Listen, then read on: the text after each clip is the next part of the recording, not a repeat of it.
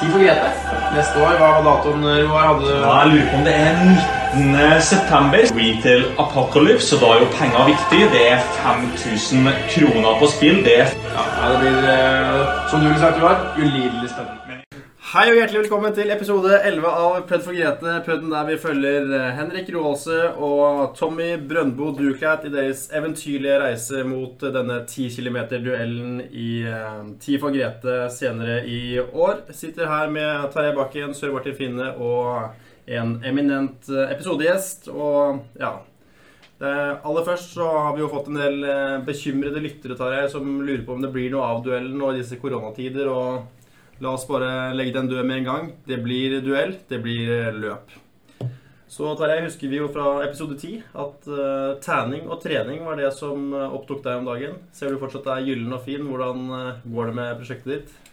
Nei, altså det har jo gått greit, men som alltid så har det jo butta litt imot også denne gangen. Og det kommer jo først og fremst av at det var et par regnværsdager nå i det siste, som da sier Selvfølgelig så er det vanskelig å få tæna da, og det satt jo litt uh, liten støkk i meg, egentlig. Er det sånn at jeg likevel ikke skal nå målet om å liksom bli så tan som det er mulig å bli i løpet av en, uh, en par dager inn mot uh, fellesferien? Så nei, det var, det var, tungt. Jeg har selvfølgelig også spilt litt inn på treninga, men der har jo treningssentrene åpna, så det er faktisk mulig å, å få rørt seg litt også, selv om været ikke er helt oppe og? Må, må jo spørre når det er eh, regnvær og sånne ting som kommer og ødelegger for opplegget ditt. Eh, har du vurdert uh, kunstige apparater, altså som høydehus, solarium? Er det noe du vurderer å trekke inn? da? Mange ville ha sagt at det er et berettiget spørsmål, Petter, men her må jeg bare svare kontant nei med en gang. I disse koronatider så har jo høydekammer og varmekammer blitt diskutert opp og i mente, og det er veldig forskjellig hva folk mener om det. Men etter at jeg da har sett en tre og en halv time lang dokumentar om Lance Armstrong, eh, der det liksom er dopingproblematikk og det å bruke prestasjonsfremmende midler i en eller annen form som er, er fokus, og se litt om hvordan represaliene der har vært, da, så vil jeg ikke gå på en sånn at jeg vinner kaller sju eh, brune trøyer eller maillot tans, for så å gå på en eh, ja, ekstremt tung tung ettertid der. Så eh, jeg må bare si at det, det kommer ikke til å si, eh, skje. Jeg vet jo hvordan det er å lykkes med sine mål uten å ha hjelpemidler. så ja, det å bruke solarium, høydekamera osv. det blir på mange måter som å, å, sitte med fasit i hånda på Amalies lykkehjul, som vi skal inn på senere i dag. Og det, det, blir ikke det samme å vinne Amalies lykkehjul uten ja, å gjøre det på en ærlig og redelig måte. Jeg er ekstremt enig, Tarjei. Og ja, det høres nesten ut som at dette kan kulminere i et slags episoderåd. Ja, det, det, vil jeg si. Så episodens råd blir kanskje at man må bare være, holde seg ren og stay safe og bare ha det gøy på, på veien. Og med det så tror jeg vi sier la oss bare pødde.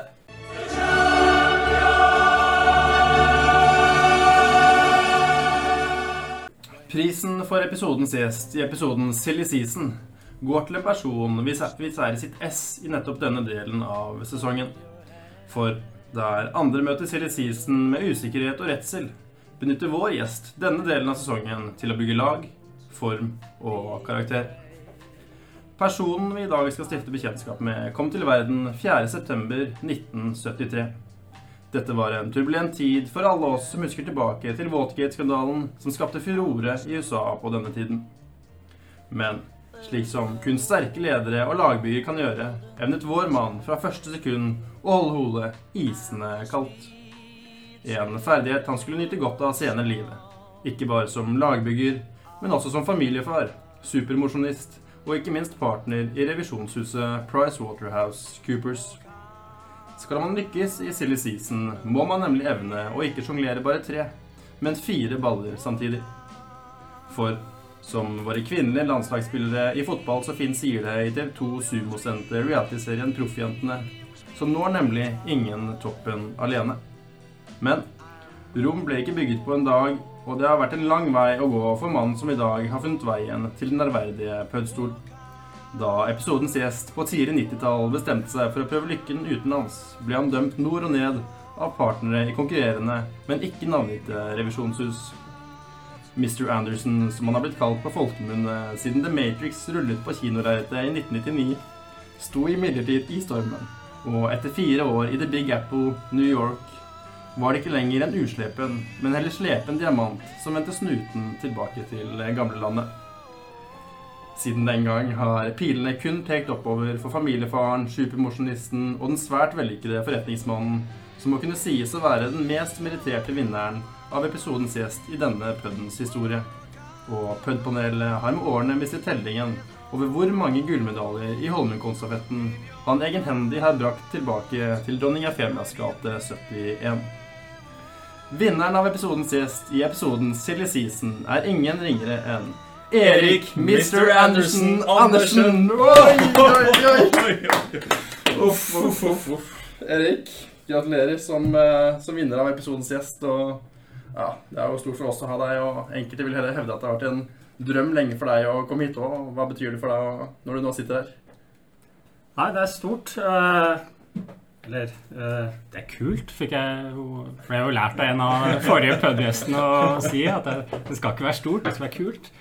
Nei, jeg, jeg hører du kaller meg merittert. Det, det overraska meg litt, men uh, så skjønte jeg at det dreide seg om Holmenkollstafetten etter hvert. For, Ellers er jeg jo ikke så merittert utenom arbeidslivet. Jeg har jo jeg har jo én lagseier i uh, fjordløpet i 2018 sammen med Håkon Løyning og en uh, annen kollega på jobben. Det er vel eneste løperelaterte seieren jeg har. Uh, så dette er den første individuelle prisen. så det setter jeg jo veldig stor pris på, må jeg si. Ja, det... Så utenom jobb så er dette en av de største løperprestasjonene, vil jeg si. ja. Og um, ja, det er jo ikke bare bare det. Og vi må begynne litt med episodens navn her, og, som er Silly Season. Og hvorfor tenker du at det er du som stikker av med prisen som episodens gjest i nettopp denne episoden?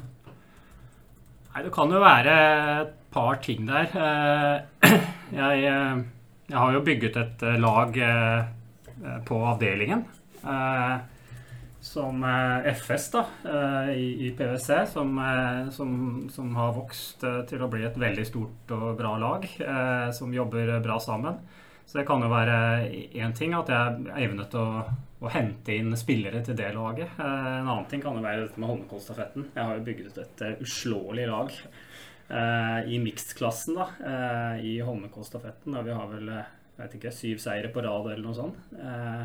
Så kan det ha noe med det å gjøre. Eller jeg eh, vet ikke Fantasy-laget ja. bygger jeg også. Så det kan være mye. Jeg vet ikke.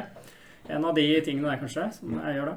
Ja, det, det, høres ut som du er riktig mann uh, å gjeste denne episoden her, Erik. Og det kommer en del terminologi her som kanskje ikke alle av våre lyttere er bekjent med, men vi må bare anta at de mest faste både kjenner til FS, Fantasy og Holmenkollstafetten. Det, det må jeg nesten tro, Martin.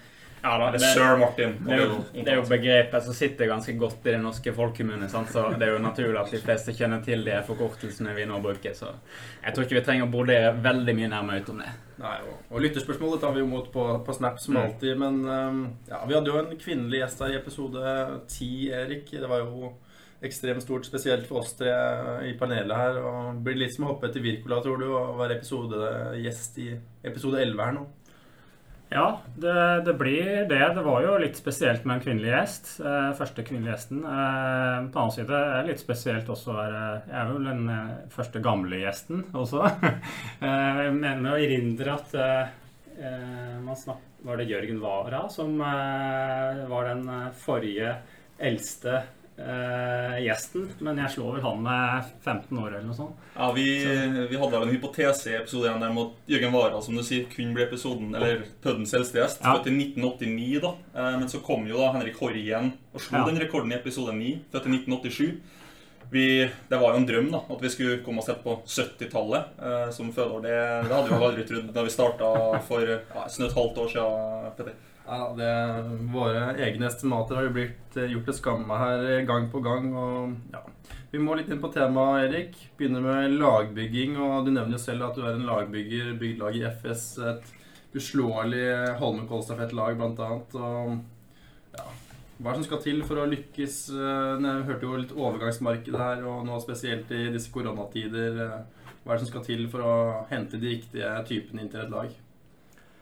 Nei, altså man må jo Sånn som f.eks. Uh, uh, Holmenkollstafetten, da, så jeg prøver å tenke litt mangfold. Uh, prøve å litt, ha litt sånne ulike typer. Hvis jeg tenker gjennom liksom, hvem som har måte, vært med å dra laget opp gjennom årene. Vi har jo en dansk O-løper som er verdensmester, som kjører Besserud. ikke sant? Vi har en fotrapp fotballspiller fra Hønefoss, Håkon Langdalen, som kjører etappe åtte eller ti. Eh, vi har, eh, vi har, en japansk kvinnelig sprinter der. Eh, Japan, veldig undervurdert løpenasjon for øvrig. Der er det mye gull å finne.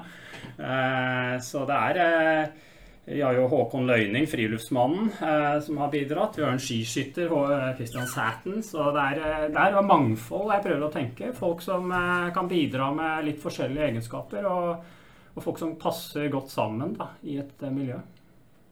Det høres ut som en, en vinnende filosofi, og det er det jo åpenbart òg, med sju seere på rad. Eh, men det vi må nesten spørre om da, det er jo om eh, hvordan, liksom, hvis du tenker på FS som avdeling eh, oppi det hele, hvordan vektinga er da mellom det sportslige, det faglige og det utenomsportslige i en rekrutteringsprosess, eller når du er ute der og liksom ser i en intervjusetting, eller hva det nå skulle være. da, Hvor mye Hva, hva, vet, hva vet liksom eh, Hvordan er vektinga her?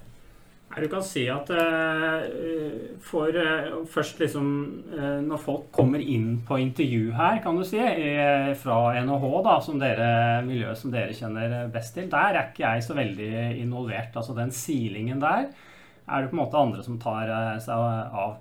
Men det er klart at når de først er innenfor bygget her, da er jeg på med en gang. Og jeg involverer meg jo aktivt i intervjuprosessen. Og det er klart at jeg stiller jo spørsmål om hva folk holder på med utenfor jobb også. Eh, for liksom, eh, jeg tror det er, det er viktig med en god balanse, da. Eh, for, for, folk, og at de er litt aktive. Og, og, det kan man dra nytte av på jobben også. Så jeg prøver liksom å involvere meg i rekrutteringsprosessen og se etter folk som har litt flere ben å slå på da, enn å bare tenke fag. Det er jo ekstremt gode tips eh, for alle våre lyttere på NHH og andre utdanningsinstitusjoner tar jeg å, ta med seg. Og så eh, bare legge til at jeg har jo en del altså, Akkurat som fotballag har speidere, så har jeg litt sånn speidere på avdelinger nå. Altså Jeg har jo folk som har vært i miljøet. og eh, NHH har jo f.eks. et sterkt eh, løpermiljø gjennom BBL-satsingen. Så, så, det er klart at man får jo en del tips også. Og og det er litt som at eh, når du bygger et lag, så, så blir du kanskje kjent også for å liksom ha et godt lag. Og du blir kjent for at det er et godt miljø der. Så det er liksom sånn at eh, ting går litt lettere og lettere etter hvert. da. Det blir lettere å tiltrekke seg talentene eh, etter hvert som man får et navn. Mm.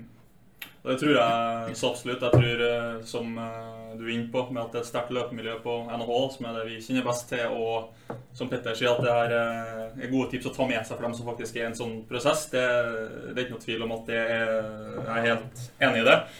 Og hvis man bare kan liksom gå litt uh, utafor manus her en, en, periode, så må vi si at liksom for alle oss, dere to, Petter og Martin, jobber jo i PwC. Det gjør jo ikke jeg, men jeg kan snakke av liksom i den kretsen vi har vært i, så er det sånn, man hører jo om PwC. Det er liksom rivaliseringa mellom PwC og EU som har vært eh, i Holmenkollgaten, spesielt på herresida, kanskje. Mm. Som man liksom hører om eh, som er et, åpenbart et trekkplaster for mange, da. Eh, selv om det går utafor det som er det mest altså, faglige, som er det du skal gjøre på, på jobben. Ja. Ekstremt enig, Tarjei. Og nå har vi jo mm, på mange måter kommet inn på, på det neste temaet her for Sør Martin. Du sitter jo her på PwC Arena i dag og skal presenteres og offentliggjøres for, uh, for offentligheten her i dag som FS-er. Og fortell litt om uh, veien hit og hvilke forventninger har du til, uh, til FS her og fasilitetene du nå sitter i?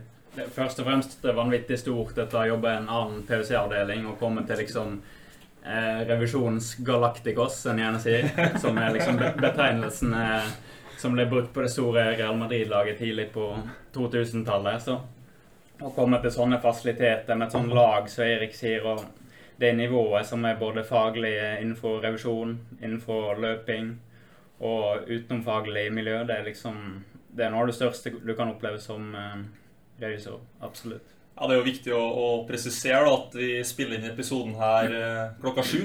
Eh, på morgenen. Og det er jo for at vi rett og slett skal unngå at det blir At det her slipper til mediene for tidlig. da, At det ikke skal komme noe før vi får sluppet episoden. Så vi sitter på et, eh, et lukka rom her nå på PwC-bygget nede i Bjørvika for å, for å, unngå det. da. Eh, så jeg måtte jo snike meg inn tidligere enn de fleste før liksom paparazziene var ute der, for at det ikke skulle bli for mange overgangsrykter for tidlig. da.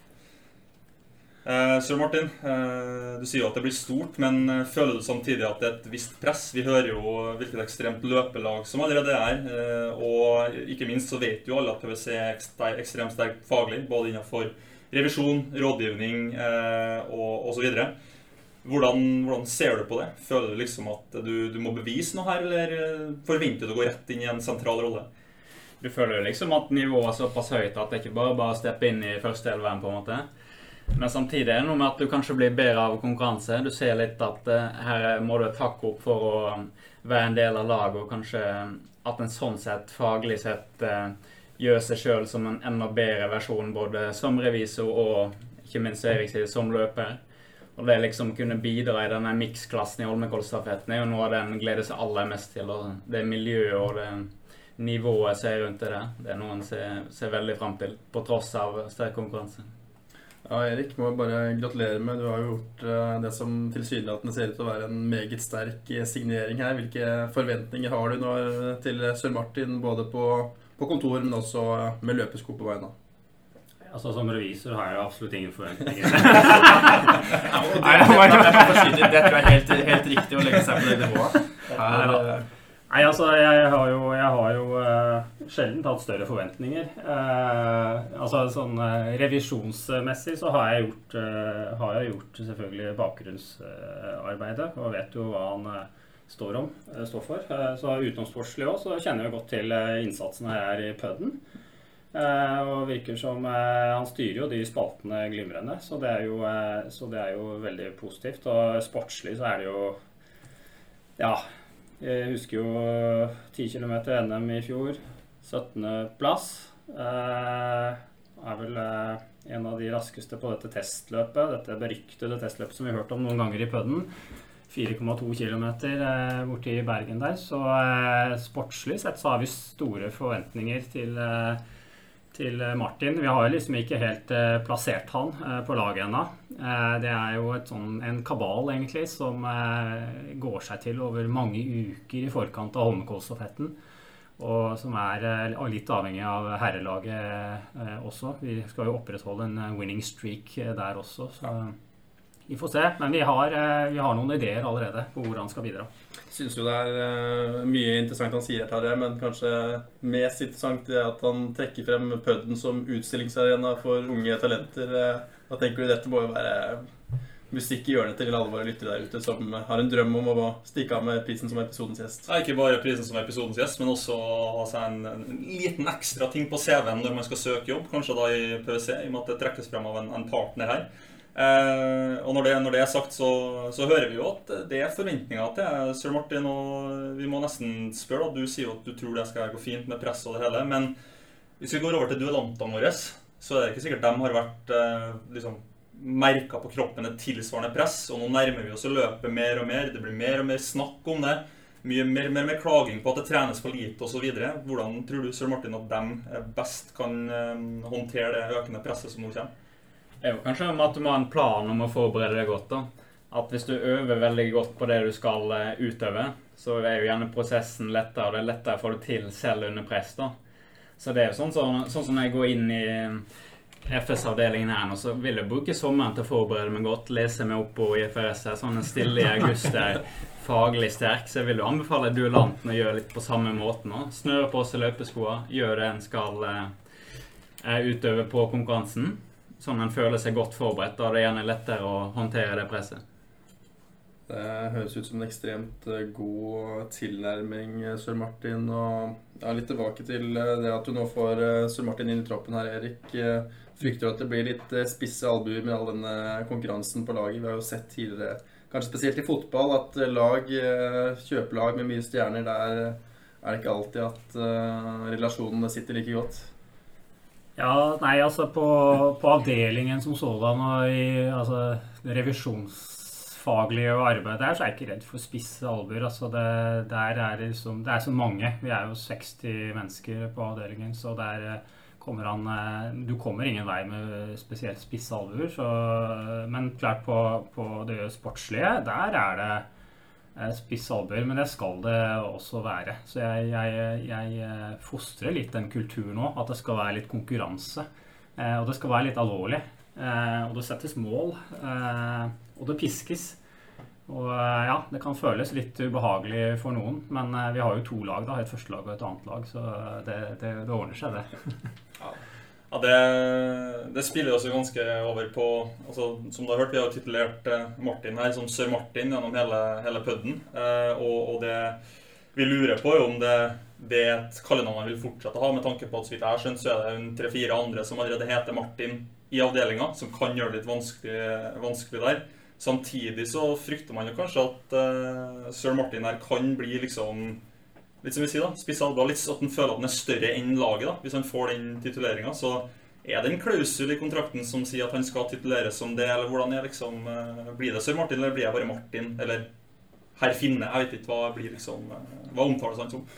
Nei, altså, det er ingen klausul. Men jeg, jeg mener å erindre fra en tidligere episode her man snakket om Det var kanskje i spalten 'fot i bakken'. At man, du skulle forklare 'gentleman's agreement'. Og jeg tror vi heller kaller det en 'gentleman's ja, agreement'. Ja. Uh, at han skal tituleres uh, sir Det, det, høres bra ut, Martin. Og ja, vi har jo vært inne på den puden her en rekke ganger tidligere. At det er jo en pud med høyt intellektuelt nivå. Nå, nå, sitter vi her med en partner i, i PwC, og da, da, må vi også litt innom, innom det faglige. og ja, Tarjei, vi har jo noen uh, lytterspørsmål vi har fått inn uh, i så henseende.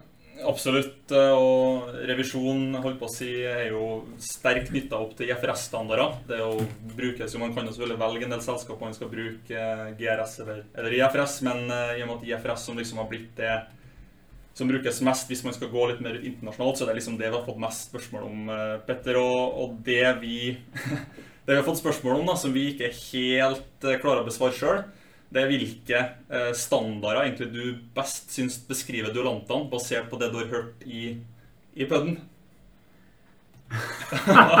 den er ikke enkel. Vi har revet oss i håret Nei, men igjen, Han sier jo selv at eh, det skal jo være litt ubehagelig der og da, men det er det som skaper en uh, vinnerkultur som vi jo tilstreber her i pøden, da.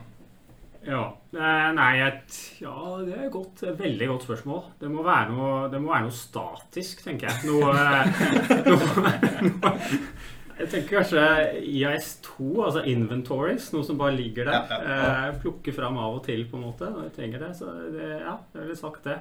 Og da er det selvfølgelig veldig spesielt med nedskrivingsvurderinger. Ja, ja. Vi ser hvor lite duellantene har valgt ja, å trene her. Ja, Så varelager, altså. Rett og slett. Um, det er et uforløst potensial der. Et lager kan, kan brukes til noe bra hvis det, hvis det hentes fram. Ja. Ja, det, det, høres interessant ut. Og så har vi et annet lyttespørsmål her. og Da er det en som lurer på hvilken avskrivingsplan er det du anbefaler å benytte på løpesko? Ja, Det kommer jo an på to ting. da. Det kommer an på hvilke løpesko. Eh, og så kommer det an på brukeren, da. Eh, så eh, for meg eh, Jeg liker jo å variere eh, løpesko. Jeg, jeg, har vel sikkert 20 par som jeg, eh, ja, som jeg bruker liksom, om hverandre. Så der er jo avskrivningen ekstremt lang. Så det, der er det liksom tre-fire år.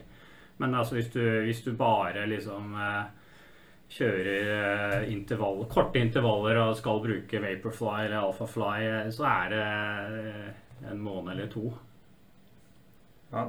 Det er, det er jo verdt å ta med seg for de der hjemme, Tarjei. Absolutt. Og det, det, er kanskje litt sånn at man må da være litt forsiktig med å bli for hissig på grøten og kjøpe Alphafly, da, som mm. akkurat var lansert i Norge, når det nå ikke utenom, da, som vi vet. Tid for Grete med våre studenter, kommer til å skje. Andre løp mer usikker, så Sir Martin, har du gått innkjøp av eh, Alphafly allerede? Vi har ikke gått innkjøp av Alphafly ennå. Litt for det. Det har vært litt sånn murring i kulissene om den virkelig er bedre enn andre typer sko. Ja. Så vi anbefaler jo duellantene kanskje se an litt om det er en virkelig suksess. Sånn som den prototypen åpenbart var. Men de har måttet gjøre noen justeringer, så jeg vil jo anbefale duellantene å se litt an. Se åssen Tiden utvikler seg med skoene. altså. Mm. Enig i det. og Våre løpere skal jo springe 10 km. Og det er også en faktor som må tas med i, i beregninga her. når eh, sånn, Så vidt meg er bekjent, uten at jeg brukte Alphabet sjøl, så diskuteres vel om de er best fra halvmaraton opp. Rett og slett pga. at mm. Eh, du skåner da beina mer, mens kanskje Vaporfly har mer bedre respons da, når det er mm. kortere. Men det blir jo kanskje et tema vi skal diskutere nærmere i en, en senere pud. Det, det, tror jeg vi får gjøre. Vi skal ta med oss et siste um, revisjonsrelevant uh, spørsmål her. og har vært inne på denne manglende treningen til duellantene vil følge den puden der. og hvis duellantene var et selskap, Erik, hvordan ville du gått frem i en fortsatt driftvurdering, uh, gitt det tynne treningsgrunnlaget de har? Vi har jo vi har en del lyttere som har satt pengespill på duellantene og har kanskje et ansvar overfor de uh, i å opplyse om hvordan ståa faktisk er. Nei, altså jeg tror eh, eh, Jeg tror nok jeg ville landet på eh, en fortsatt drift-konklusjon her. Det er klart, dette er jo unge mennesker, friske mennesker. Som så vidt vi vet. Så vidt vi vet, ja. Det er klart, det er ikke, det er ikke all verdens aktivitet på Strava. Men, men jeg tror såpass unge mennesker som har eh, et, en bakgrunn uh, i idrett. Altså, jeg har skjønt at den ene er fotballspiller. Uh, og den andre har også løpt en del tidligere. De kommer ganske kjapt, uh, kjapt i gang. Så jeg vil ikke avskrive fortsatt driftforutsetningen ennå. Nei, det, det, er nok betryggende for de som har satt store penge, pengespill på, på duellanten. Absolutt. Nå vi har jo fått eh, en informant inn i, eh, i puben den gangen her, og for, for en gangs skyld må vi si så har vi gjort eh, ordentlig research. Vi vil jo selvfølgelig ikke skuffe en såpass merittert gjest som vi har i dag, Petter. Nei, det, det er helt riktig. Og ja, det er jo en av dine medpartnere, skal vi kalle det ja, partner in crime. Nå driver vi selvfølgelig ikke med no crime, da, men la oss likevel kalle det en partner in crime her. og og vi vet jo at det er viktig for dulantene, både i treningsarbeid, men også under løpet, det å holde tunga rett i munnen og fokusere på de riktige tingene, Erik. Og det virker som du behersker det bra ofte. Men så har vi også fått en eh, informant her som har fortalt om en forsvunnet bil og en, en potensiell kollega som, eh, som kanskje kunne være tyv. Eller kan du ikke fortelle litt om den historien? Hvordan var det hang sammen? Nei, det hang vel sammen eh, slik at jeg kom ned i garasjen og skulle hente bilen min eh, en, eh, en ettermiddag etter jobb, og så og så fikk jeg ikke åpnet bilen, rett og slett, med nøkkelen. og så ja, tenkte jeg at det var nøkkelen som var ødelagt, og satte i gang en lang prosess med å kjøre etter Bilia for å skifte den der klikkeren og, og så videre. Og så fikk jeg henta reservenøkkelen hjemme, og det var en lørdag jeg skulle inn på kontoret og, uh, og da bruke reservenøkkelen. Og, og får da ikke opp bilen da heller. Jeg hadde med hele familien. vi bestemmer oss for å bruke den manuelle nøkkelen. Jeg får ikke brukt den. Vi kjører på med sånn rustfjerningsmiddel, for det kan jo ha en tendens til å ruste dette hullet. Nøkkelhullet. og og stikker for å spise lunsj. Eh, når hun kommer tilbake igjen, så er bilen borte. Uh, og, og, og, og, helt i sjokk så ringer Jeg melder jo dette her til politiet, og, det var jo et styr uten like. Uh, og gå gjennom uh, videoovervåkningen av garasjen på kontoret her på mandagen. Og Eh, og når det, da, eh, når det, da, viser seg at jeg aldri har kjørt inn den dagen hvor jeg ja, prøver å hente bilen, eller låse opp bilen eh, første gang, så, så, begynner det å demre på en måte at her er det noe som ikke stemmer. Eh, hvor da bilen fakt, Det var faktisk ikke min bil, så, men en kollega sin bil som var helt identisk bil, som da hadde parkert på min plass eh, på kontoret. Eh, så det var en mengde tilfeldigheter. Eller, eh, som Petter sikkert eh, vil si, alderen som tynger. Ja, det, det lar jeg forbli dine ord, Erik. Men um, morsom historie der, Tarjei. Og vi har vært inne på dette med sitte stille i båten-strategi tidligere. og Er det et argument for å faktisk bruke båt da, som fremkomstmiddel til kontoret når vi hører den historien her? Ja, det, det, kan det være. Nå blir jo også disse tidligere nevnte Alphafly-skoene omtalt som båter, og dem er vi litt usikre på, så kanskje ikke bruk for mye båt akkurat i den sammenhengen her. Men eh, når vi har vært inne på bil nå, så vet vi ja, liksom at begge duellantene Det er ingen av dem som har bil. Tommy vet jeg akkurat har solgt sin, eller skrapa sin. På, på, på dynga. Så, så, gitt at ingen av dem da har motorisert kjøretøy, må nesten bli en forutsetning vi må ta her. Erik, hvem, hvem, av gutta tror du tar duellen? Og gitt det du har sett på treningsfronten, hva blir, hva blir tida vi skal ned på her? Nei, altså Hvem som tar det Jeg har jo registrert at de fleste tenker at det er Roaldsø som, eh, som, tar det. Eh, jeg, jeg, er usikker. Eh, det er jo ikke så mye å hente på å lese Strava-profilen til disse to gutta. Jeg tenkte liksom Brøndbo, det, det er jo et bra løpenavn. Ja, eh, altså, jeg har jo Even Brøndbo Dahl og sikkert flere andre.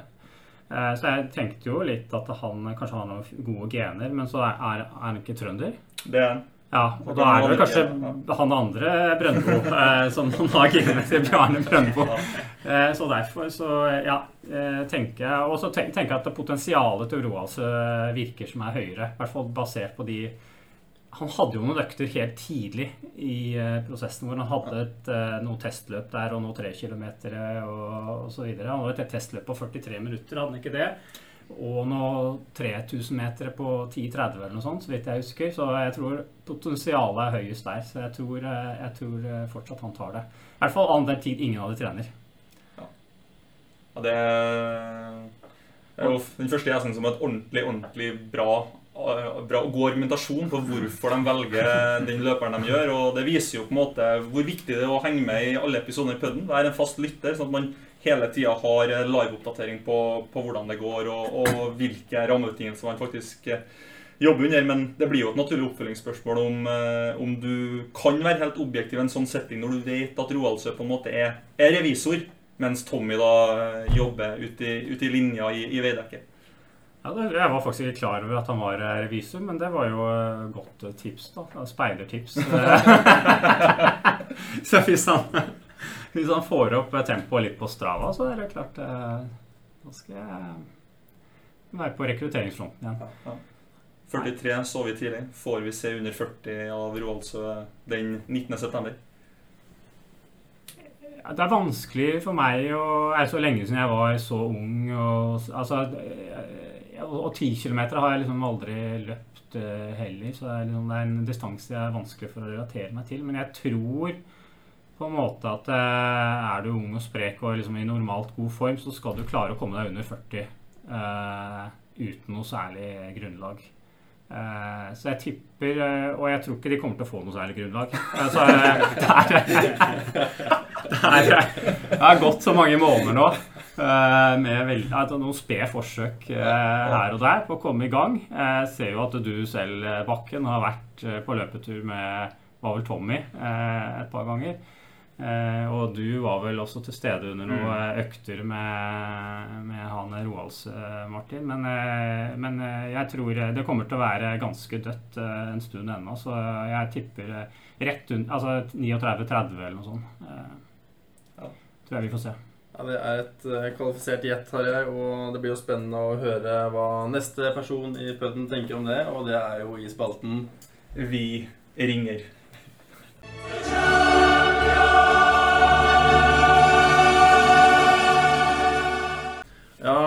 Da blir det ulidelig spennende å få høre hvem du har tenkt til å ringe når vi nå skal over på Vi ringer, og hvem er det du har uh, valgt deg ut?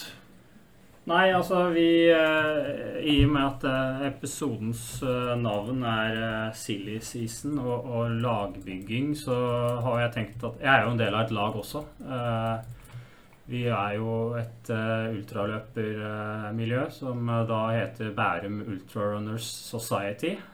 Buss, forkortelsen. Og, så jeg tenkte egentlig å ringe formann Eh, i den klubben, som da består av eh, hele tre løp, eller tre og en halv løpere. da. Det er jo en eh, kar som tok opptaksprøven for et par uker siden, som, hvor papirarbeidet ikke helt er fullført ennå. Så vi er tre-fire medlemmer av klubben. Men vi har en formann, så jeg tenkte å ringe formannen i klubben. Audun Line Eriksen. Far i buss, altså. Ja, ja men uh, det høres ekstremt spennende ut. La oss eh, ringe.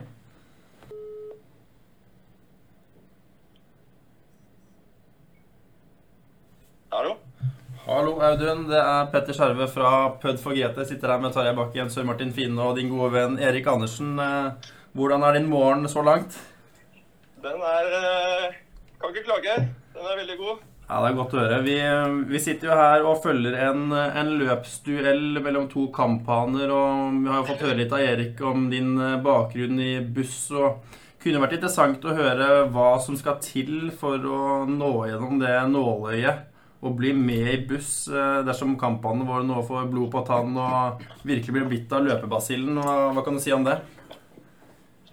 Eh, en av de hardeste kriteriene for å bli medlem i buss, er at du, du må stå opp grytidlig om morgenen for å løpe eh, før, før, soloppgang.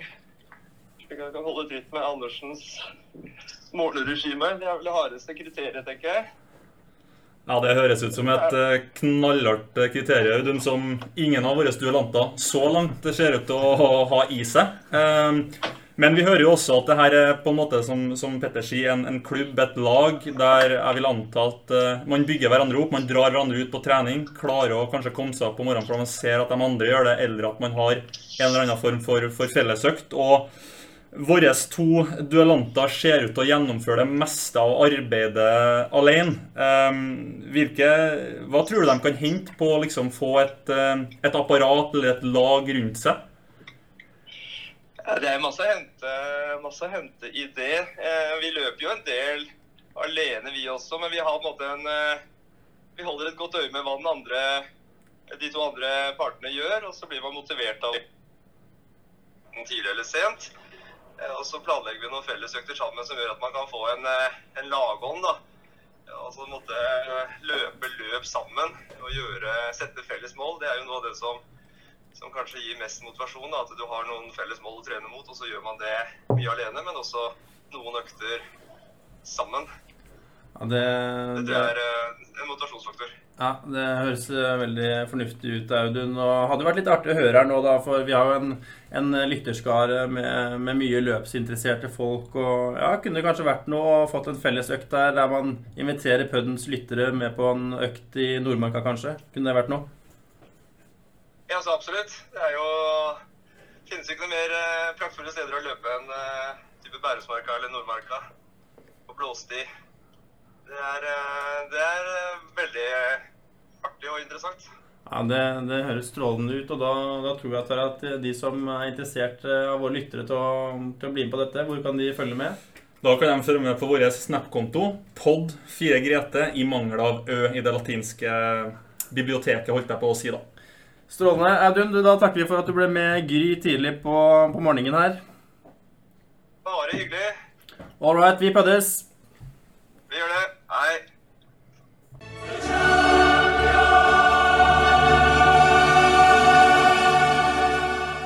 Det var et ekstremt uh, vellykket uh, hils det på Audum i Bærum Ultra Runner Society. Og også gledelig for dere lyttere der hjemme at uh, dere har jo nå en åpen invitasjon til å bli med, Tarjei. Og får bare følge med på Snap. Absolutt. Og det får jo bli en slags oppfordring til duellantene våre også. For det, her hører vi at selv om man er konkurrenter, så kan man være lagkamerater på si. Og kanskje det kan være noe som kan gi duellantene ny og faktisk trene litt, litt sammen også, ikke bare holde på for seg sjøl på ulike satssentre eller ulike lokasjoner i det ganske land. Absolutt. Uh, uansett, vi skal over til neste spalte, og det er på tide å snurre Amalies lykkehjul. Martin, hva har du uh, forberedt denne gangen? Vi er tilbake med en ny quiz, vet du. Selv om det er tidlig på morgenen, så må en jo teste litt det faglige nivået blant både panel og deltakere. Så det er rett og slett en Silly Season spesial. da. Ja, det, det, virker jo å passe deg veldig bra, Erik. Og minner bare på det om at her har du da muligheten å vinne et gratispass, VIP, til denne afterpartyen som er etter duellene. Og, ja. Vi snurrer rett og slett i gang, vi. Det er jo gjerne sånn at Silly season blir jo gjerne forbundet med fotball og overgangen der. Og før, eh, inntil i fjor, så var det jo sånn at overgangsvinduet i England det stengte jo typisk på et tidspunkt for sommeren. Så det vi lurer på, rett og slett når pleide overgangsvinduet å stenge før endringen som kom i fjor? Så jeg tenker at Tarjei kan få begynne på den. Uh, jo, uh, jeg mener at uh, de skulle gjøre en endring i fjor, som var at det skulle stenge før sesongstart. Eh, men siden alle andre europeiske overgangsvinduer ikke gjorde den samme endringa, så har de valgt å gå tilbake. Tror jeg òg, da. Men spørsmålet ditt er hva det var før den endringa som skjedde i fjor. Og jeg mener at det er eh, 31. august eller 1. september midnatt, på en måte, i den, det skillet der. Men at det kommer litt an på om man liksom går inn i, i helg eller lignende. Eh, men jeg vil på en måte låse svaret mitt på at det er stort sett 31. august. Mm, mm. Erik, hva tenker du kan være svaret på spørsmålet igjen her?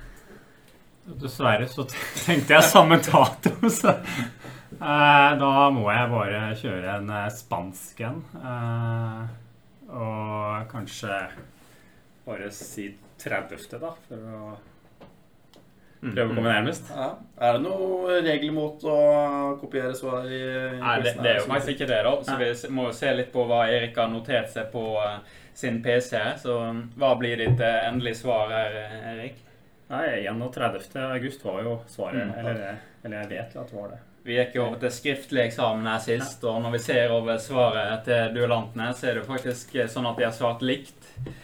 Og det, I sånn bodel i ånd så deler vi ut ett poeng til hver. Vi, Petter, gjør vi ikke det på spørsmål ene? Det er jo i tråd med Gentleman's Agreement, mm. som følger i puden her. Så det, det, tenker jeg er helt, uh, helt, fair. For det er faktisk sånn at overgangsvinduet pleide å stenge i månedsskiftet august-september der, da. Mm. Og så kommer det kanskje et eh, for mange litt mer krevende spørsmål, og kanskje litt mer sånn faglig tungt. For det er jo sånn, Vi har snakka mye om IFRS i denne episoden, og det er jo kommet en ny leasingstandard der. Så vi lurer rett og slett på hvilket nummer i rekken er denne leasingstandarden. Da tenker jeg at vi må kjøre en skriftlig eksamen her, for det er jo sånn at en av deltakerne i quizen har kanskje en viss, viss, fordel på det området her. Ja, Vi viser jo med denne type spørsmål at det er en pud som holder et høyt mm. intellektuelt nivå. da, Noe vi vet jo at lytterne setter pris på, selvfølgelig. Blir det da på digitalt vi må notere, da? eller? Ja, vi Jeg bare noterer digitalt. Ja, det er skal vi se. Må du ta opp et Word-dokument og dokumentere? Her, da. skal det dokumenteres. Det er jo litt av ja. Litt av det For å bevare den faglige kvaliteten så tenker vi at det er en riktig vei å gå. nå. Skal vi gi deltakerne et, uh, noen sekunder å tenke på? det? Ser jo ut som at uh, de har fått notert seg svar, da, begge mm. to. Ja. Tenker at vi kan begynne med Erik her. Og der står det rett og slett IFRS 16 på Erik. Ja, Mens uh, hvis Tarjei kan presentere sitt svar her, da. Jeg ble IFRS 17. Jeg var usikker på om det var 16 eller 17. Det jo. jeg seg kanskje i bevissthet om at IFRS kunne dukke opp. Antagelig har forberedt seg litt. Og du ser jo at han treffer ganske godt, men det er ikke helt fullgodt, er det det, Petter? Nei, det, han er jo meget nære her. Ja, det men uh, ja, selv en fotofinish uh, er nok altså, for å kåre en mm. vinner. Og Erik går opp i ledelse her. Erik opp i en 2-1-ledelse før det siste, og gjennom litt mer sånn kjønnsmessige eh, spørsmål. Og det blir jo spennende å se hvordan en revisor kan takle et sånt eh, spørsmål. Eh, for det er jo sånn at det begynner å fylles opp med både ferske og rutinerte revisorer på afterpartyet, som en for øvrig kan vinne billetter til. Og flere frykter da at samtalene vil bli særdeles IFRS-tunge. Så spørsmålet er jo om en revisor om revisorkritikere har noe å frykte. Og vi lurer rett og slett på hvilken rolle den gjennomsnittlige revisor vil ta på et slikt afterparty. Hvordan vil han liksom legge an ja, Hvilken rolle vil han ha i, eh, i, miljøet der? Hvordan vil han rett og slett te seg i, eh, i en slik setting? da? Er det også her skriftlig som blir Nei, jeg tenker at det, eh, det er ingen fare for at en kommer til å komme på akkurat samme svar. Det ville vært veldig rart. Så en muntlig besvarelse på spørsmål tre virker jo rimelig. Det er jo litt sånn om revisors oppførsel, og vi vet jo, Petter, at uh, revisor ofte er omtalt som litt kjedelig og litt sånn regelrytter, kanskje. Men det blir jo spennende å se hva deltakerne kommer fram til. Tarjei, tanker? Har du fått resonnert? Eh, det har jeg. Og eh, der jeg da ikke er like mye revisorkretsen som verken Erik her har vært i mange år, eller dere to, Petter og Sir Martin, så må jeg rett og slett bruke de referansene jeg har, og det er jo da primært deg, Petter, som jeg har sett på slike sosiale arrangementer opptil flere ganger. Og eh, jeg vil, hvis jeg skal bruke ett ord for å beskrive det, så vil jeg si at um, rollen den personen vil ta, eller gjennomsnittlig revisor, vil være utålmodig. Og det vil f.eks. være at det, ja, velger en låt eh, som skal spilles der. Eh, så går den i ett minutt, kanskje første, første verset, og så første refrenget, og så, så går den lei, da. Eh, revisoren, og så eh, går den der. Eh, la oss kutte den, og så neste låt. Og så, så blir det sånn at man aldri liksom får virkelig fått hørt gjennom en god sang, og kanskje satt det siste dansen på flooren, for at det alltid skal skje et bytte. Så utålmodig eh, er mitt svar. Ja. Utålmodig tar jeg sitt svar på spørsmål tre her. Så jeg vet ikke, Erik, har du noe lignende å komme opp med, eller hvordan har du vurdert besvarelsen her? Nei, altså Jeg tenker nå er jo frist for selvangivelse og årsregnskap utsatt til 30.8. Mm. Og dette er, vi snakker om 19.9. for eventen. Så vi har jo en del av slitne revisorer som har vært gjennom et ekstremt langt årsoppgjør, lenger enn vanlig. Eh, så jeg tenker at liksom, litt sånn sammenlignet med et, når du kommer inn som innbytter på fotballaget, litt sånn innbytterpuls, så tenker jeg at du, du blir litt sånn overivrig mm. Eh, når du kommer inn på afterparty der. Eh, og kanskje kjøre på litt for harde drikkevarer med en gang. Kanskje gå rett på Tequilaen istedenfor å balansere ut med litt eh, øl eh, først. Og dermed gå, kan gå på en liten smell. Altså litt ivrig, rett og slett. Mm. Vi noterer oss ivrig som Erik sitt stikkord på spørsmål tre. Og det er jo kanskje sånn å tolke Petter at han mener at revisor kanskje skal være i sentrum av eh, begivenhetene på afterparty. At det er litt mer litt mer midtpunktet, rett og slett. Er ikke det det vi kan tolke ut ifra det? Han var jo innom uh, flere gode momenter her, og da blir det jo desto mer spennende å høre hva Amalie, som jo sitter på fasiten, har å si om, om dette spørsmålet.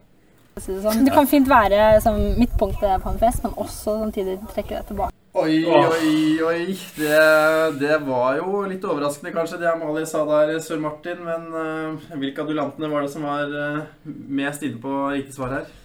Ja, Vi ser jo at uh, Tarjei brukte jo deg som uh, ledesnor på spørsmål tre. Har, har sett på din oppførsel og liksom sa at en uh, Ja, jeg vil jo si at det å følge et sånt eksempel er kanskje ikke det riktige. Når Erik nevner det å være midtpunktet, være ivrig, gå hardt inn, så er det rett og slett et eh, svar som er nærmere det Amalie kom opp med her. da. Ja, det harmoniserer jo veldig bra. Han var inne på dette med litt tidlig Tequila-kjør der. Og da, mm. da, er det gjerne midtpunkt før du så mm. går på en smell og er litt mer tilbakeholden. Mm. Så han var vel på mange måter inne på, på mye riktig her, Erik. Og hvor går poenget, Sør Martin?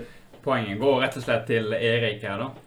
Og det er jo sånn er det første gang i quizen at vi har en deltaker som tar tre av tre poeng i quiz.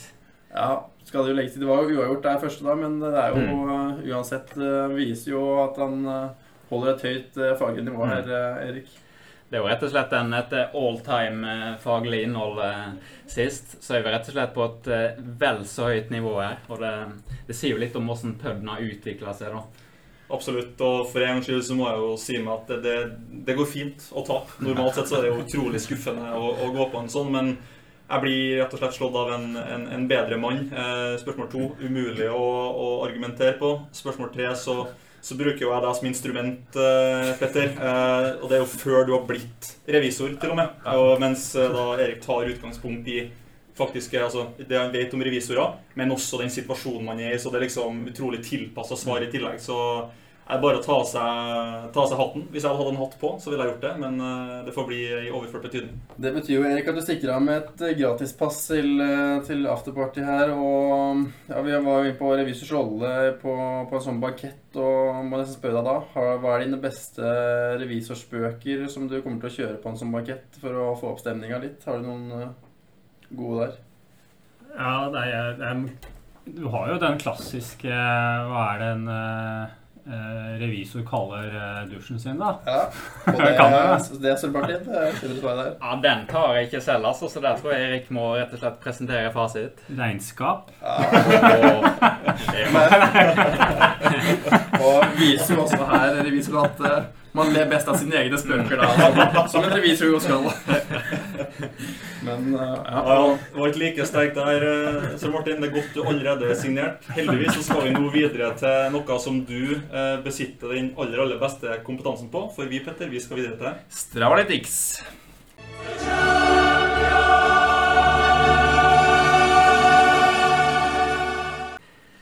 Og det er jo sånn at eh, Treningsdosen til duellanten har vært eh, litt dalende etter bl.a. Roaldsø sin mengdeperiode tidligere på våren post eh, operasjon. Og vi husker jo at eh, Tommy hadde litt av eh, prinsippene til Gustav Iden med litt sykling, men plutselig var de eh, borte. Og vi lurer litt på hva som har skjedd blant eh, duellantene, da. For det er jo rett og slett sånn at siden sist Pød, så er det jo ingen av duellantene som har lagt inn noen treningsøkter. Og det er jo Enkelte vil jo tro at det kan være litt tungt å kjøre den spalten her uten materiale. Men det er jo, det er jo rett og slett sånn at vi, vi må gå litt mer i dybden. For vi har rett og slett nådd et nytt bunnpunkt her treningsmessig. Og da må vi liksom se litt på hva er det som kan ha skjedd, og hva tenker duellantene? Hvordan skal de kunne prestere på løpet i september hvis de ikke trener? Viser jo også at vi har truffet bra med, med tittelen på episoden av Still Season null økter.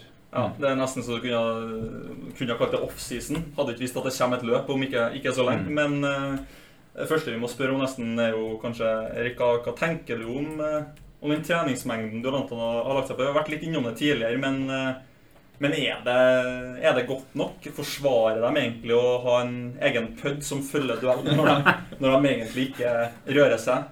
Angivelig, da, i det hele tatt? Det er jo kanskje et, eh, et spørsmål for Pødens eier. Men, eh, men eh, hva jeg syns om omfanget Nei, det er under enhver kritikk, det, altså. Så jeg, jeg tror egentlig nå er, det, nå er det kanskje gått over i en ny fase, litt sånn psykologisk spill. Jeg tror Roaldsø nå Han vet at gitt at ingen trener noen ting, så, kanskje, så tror han at han tar det. Så han på en måte er, blir liksom ikke da initiativtaker. Og så lenge Tommy også forholder seg helt rolig, så, så er vi liksom i en sånn fastlåst eh, situasjon her hvor absolutt ingenting skjer. Det kan jo være Petter, at vi her er vitne til en, en stille i båten-strategi. At de har tatt med seg litt for mye råd fra, fra pudden tidligere. og Jeg må si meg enig i Erik her at, eh, at Roaldsø kanskje bruker en slags eh, ja, Bruker sin andretrekksfordel i dette tilfellet. Gjør det og ja, sitte stille i båten-strategien. Det er jo en god strategi når den brukes og ikke misbrukes, da, som i, i dette tilfellet her. Og ja, det er jo også aktuelt med, med litt antidoping i disse tidene her, Tarjei. Nå er det korona, og dopinggjengerne får ikke fulgt elantene like tett som de vanligvis ville gjort. Hvordan tenker du det påvirker eh, treningen? Nei, det, det er jo et aspekt som vi har begynt å tenke på i det siste, når vi har sett denne utviklinga Eller mangelen på utvikling, er vel kanskje mer riktig å si nå, eh, over tid. At eh, Tidlig så ble det stadfesta i, i, eh, i duellen at eh, alle økter, spesielt de som er løp- løpsrelatert, skal logges på, på Strava. Det er jo litt for at eh, alle dere lyttere ut der som setter pengespill, skal ha mulighet til å gjøre kvalifiserte valg. Eh, Men også at vi i, i PUD-en, som da har et eget eh, antidopingbyrå, PUD Antidoping Agency, skal ha mulighet til å liksom benytte det som en slags meldepliktsordning. Vite hvor de er til enhver tid. Kan komme innom og ta eh, out of competition-prøver osv. Eh, så det vi, det vi lurer litt på nå, da, eh, nå som det er vanskelig å følge dem, eh, det er lite tester generelt, vi er midt oppi denne Lance-dokumentaren som akkurat har blitt sluppet, er det sånn at de rett og slett eh, utnytter systemet her, Sør Martin? Det er jo litt sånn eh, spennende og samtidig urovekkende, da. Når vi ikke har kontroll på duellantene sånn. En ting vi vet, jo at det er jo ingen fare for at de vil være på f.eks. Bislett stadion. Så det er jo en arena vi kan utelukke. For det, det foregår ingen banetrening. Men det, vi har jo sett tidligere sånne eksempler på at eh, folk har gjemt seg ned i Atlasfjellene. sant? Vi har en Maklofi, en Elge trener lenge der, og så kommer de tilbake i superform. Så det blir spennende å se om duellanten har gått for en sånn strategi, for det er jo lite aktivitet generelt på sosiale medier. Så Ja, det, det, det, det er ikke godt nok, Petter. Og det nevnes jo løpere. Nyligst er vel Christian Coleman, 100 meter og 200 meter løper. Og så må vi aldri glemme 2007-kyllingen Mikael Rasmussen har gått i, i samme fella meldepliktsbrudd der. gjort det, Tarjei. Det som var fellesnevneren for disse utøverne, var jo at de ved siden av å dope seg, også trente. og det kan jo hende at eh, utøverne igjen har misforstått eh, doping da. At eh, de tror doping skal ta de til nye høyder i seg selv. Og, Mm. ja, det, det blir jo litt å skyte seg selv i foten her, men Absolutt. Og hvis vi skal komme en Nok en oppfordring til duellantene. Vi, vi kommer med flere og flere oppfordringer hver episode nå i, i mangel på at vi ser eh, at de faktisk benytter seg av de rådene vi gir. så må vi kanskje koble det mot episodens råd, der de sier liksom at ja, greit, si at de doper seg, tar duellen. Det gir ikke den samme følelsen som, som om man gjør det, gjør det, naturlig. Det blir, som sagt, som å ha fasist på Amalies lykkehjul i hånd og vinne. Og det, det, vil vi ikke ha noe av, og det tror jeg heller ikke duellantene vil hvis de virkelig går inn i seg sjøl. Da tror jeg vi lar det bli siste ord i Stravlytics i dag, og vi går videre.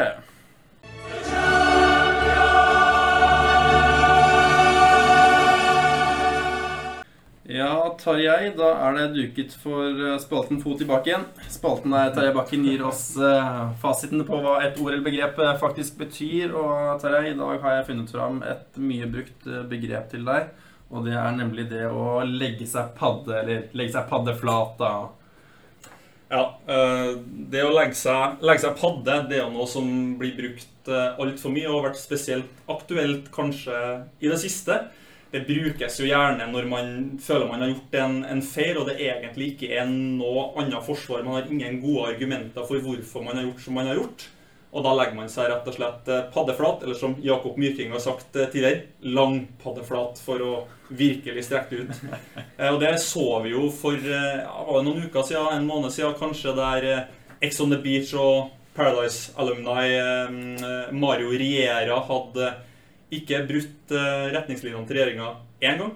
Ikke to ganger, men det var vel til og med tre ganger han endte med å legge seg paddeflat for de to sist, sistnevnte i en feide med, med, denne Mats Hansen, da, som har blitt en, et slags koronapoliti og, i, i, i, disse dager. Og har vel kommet med en bok, eller kommer vel med en bok, noe som uh, ja, holdt på å si rate disse influenserne. Og hvis vi kan kalle duellantene våre for influensere så ville de ha kommet ganske lavt her. Og hvis det er én ting de bør gjøre, så er det vel å, å legge seg paddeflat nå. Mangelen på økta er jo som sagt, det, det, er ikke, det, er ikke, godt nok, og det er egentlig ingen argumenter som, som, er, som er, bra her, Sir Martin, for at, man, for at man skal trene så lite som det man gjør, og attpåtil bryte uh, meldeplikten. Så gutta, dere må nesten ut i offentligheten og legge dere paddeflat. Legge dere flat eller lang paddeflat. alt.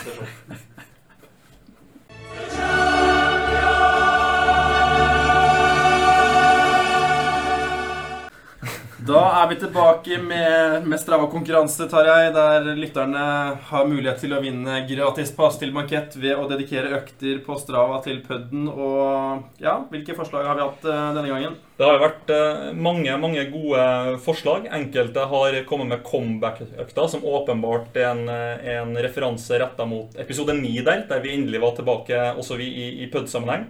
Noen har sykla litt, eh, som, som, de har hørt at eh, Tommy har gjort. Og andre har kjørt eh, klassiske badeøkter, som vi har hørt at uh, denne Roaldsø har gjort, der de har rørt seg et par kilometer først, for så å virkelig presisere at det har vært badinga som har vært, uh, vært fokus. Men vi kan jo først gå inn på en person som, som ikke vinner her, Petter. Og da, da skal vi til, til en gammel BI-student. En gammel BBL-løper som heter for Marius eh, Wang, og eh, mange kjenner kanskje Marius Wang ut der som en av lederne for Oslo Business Forum, der du får eh, godt med faglig påfyll innenfor innovasjon, forretning, digitalisering og teknologi osv. Men uh, han viser jo her at uh, hvis du skal ha noe idrettsfaglig påfyll, Petter, så, så, går du ikke på Oslo Business Forum. For hva er det Marius Wang har, har, gjort her? Nei, det blir jo litt som uh, når vi ser i Harry Potter at de ikke har lyst til å si navnet på denne Voldemort. Og ja, nå sitter jeg og føler litt på samme måte, for det er jo en fire ganger fire han har kjørt av. Det smerter å si det. Og det vet jeg ikke, Erik, hvor mange ganger må poengtere at ikke gjør fire ganger fire. burde holde deg unna. Ja, jeg la jo ut en eh, fire ganger fire en gang selv, bare for å se om eh, PUD-redaksjonen tok, eh, tok, tok eh, hintet. Og det, ja, dere er på, så det nytter på en måte ikke Du slipper ikke unna. Så eh, ja. ja PUD-redaksjonen ser alt. Ja, og her kjøres det attpåtil på, på mølle i tillegg, da, når det er så fint vær uh, ut. Og det er jo kanskje ja, For meg da, som fokuserer mye på trening om dagen, så er det heller ikke helt uh, i aktualitetens uh, ånd. Men la oss gå over til noen som har virkelig forstått uh, prinsippet om aktualitet, Petter. Det, det, er det, og det er jo en gammel kjenning av deg, Erik. Det er nemlig Håkon Løyning som har vært ute og luftet skrotten etter rød sone i bryllup. Og ja, vi husker jo tilbake jeg episode ti der. Rød, det var en slags rød tråd. Og ja. Håkon Løyning er jo på pletten her, da åpenbart eh, nummer én, rød sone er jo ekstremt bra i, i seg sjøl, for det er jo høy treningsvekt på det. Men nummer to er at man sier en rød tråd i, i, episoden. Vi var inne på rød til jeg dør, russelåta mm. til Guro og den veien hun gikk eh, ekstremt lenge. Og Håkon òg gikk jo den, den veien lenge før han valgte, valgte revisjonshuset og kompetansehuset vi nå befinner oss i. da. Og det betyr vel at vi kan forvente enda flere revisorspøker som den Erik serverte på, på banketten. Og, enda, ja. og enda flere midtpunkt og folk som får seg litt ekstra tilbake. Ja. Det er, vi gratulerer Håkon Løyning. Et gratispass er på vei hjem i posten til deg.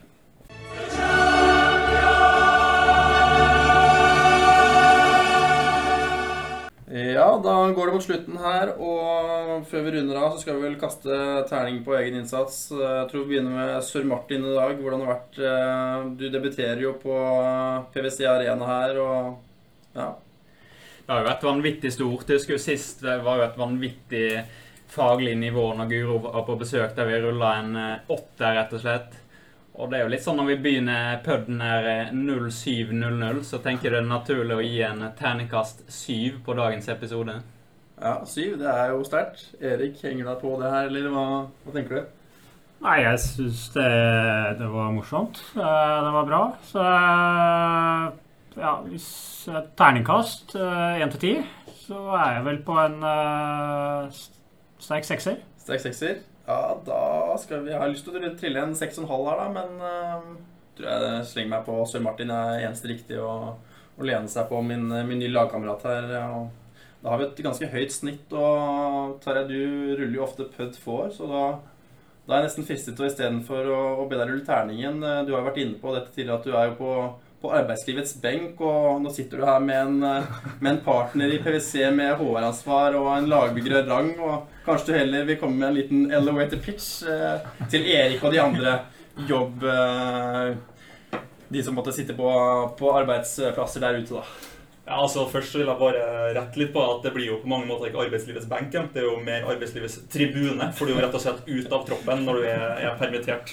Men hvis jeg skulle det blir vanskelig å komme en elevator pitch når jeg vet at det her er en, en internasjonal uh, liksom, pud med en så stor reach, og alt jeg sier kan jo bli, bli brukt imot meg. Og enn så lenge så jeg fortsatt, har jeg fortsatt kontrakt med min nåværende arbeidsgiver uh, Knowit, og det må jeg rett og slett forholde meg til i offentligheten. så jeg kan, eh, jeg kan, heller ikke peke opp til ekstreme egenskaper på IFRS der når man forveksler 17 med 16, så er det nummer én feil standard. Nummer to Du kan nesten ikke telle engang. Så jeg tror eh, rett og slett jeg må bare si at eh, noe fremtid som revisor på kort sikt i PwC, det blir nok, blir nok vanskelig. Ja. I tråd med Gentleman's Agreement og det eneste riktige, selvfølgelig. Og med det så tror jeg vi sier takk for i dag, og vi pøddes! er ekstremt sterk episode. Der, ja, den er råsterk. Tid for GT. Neste år, hva var datoen, Roar? Hadde du Jeg lurer på om det er 19. september. Retail Apocalypse, og da er jo penger viktig. Det er 5000 kroner på spill. Det, ja, det blir, eh, som du ville sagt, Roar, ulidelig spennende.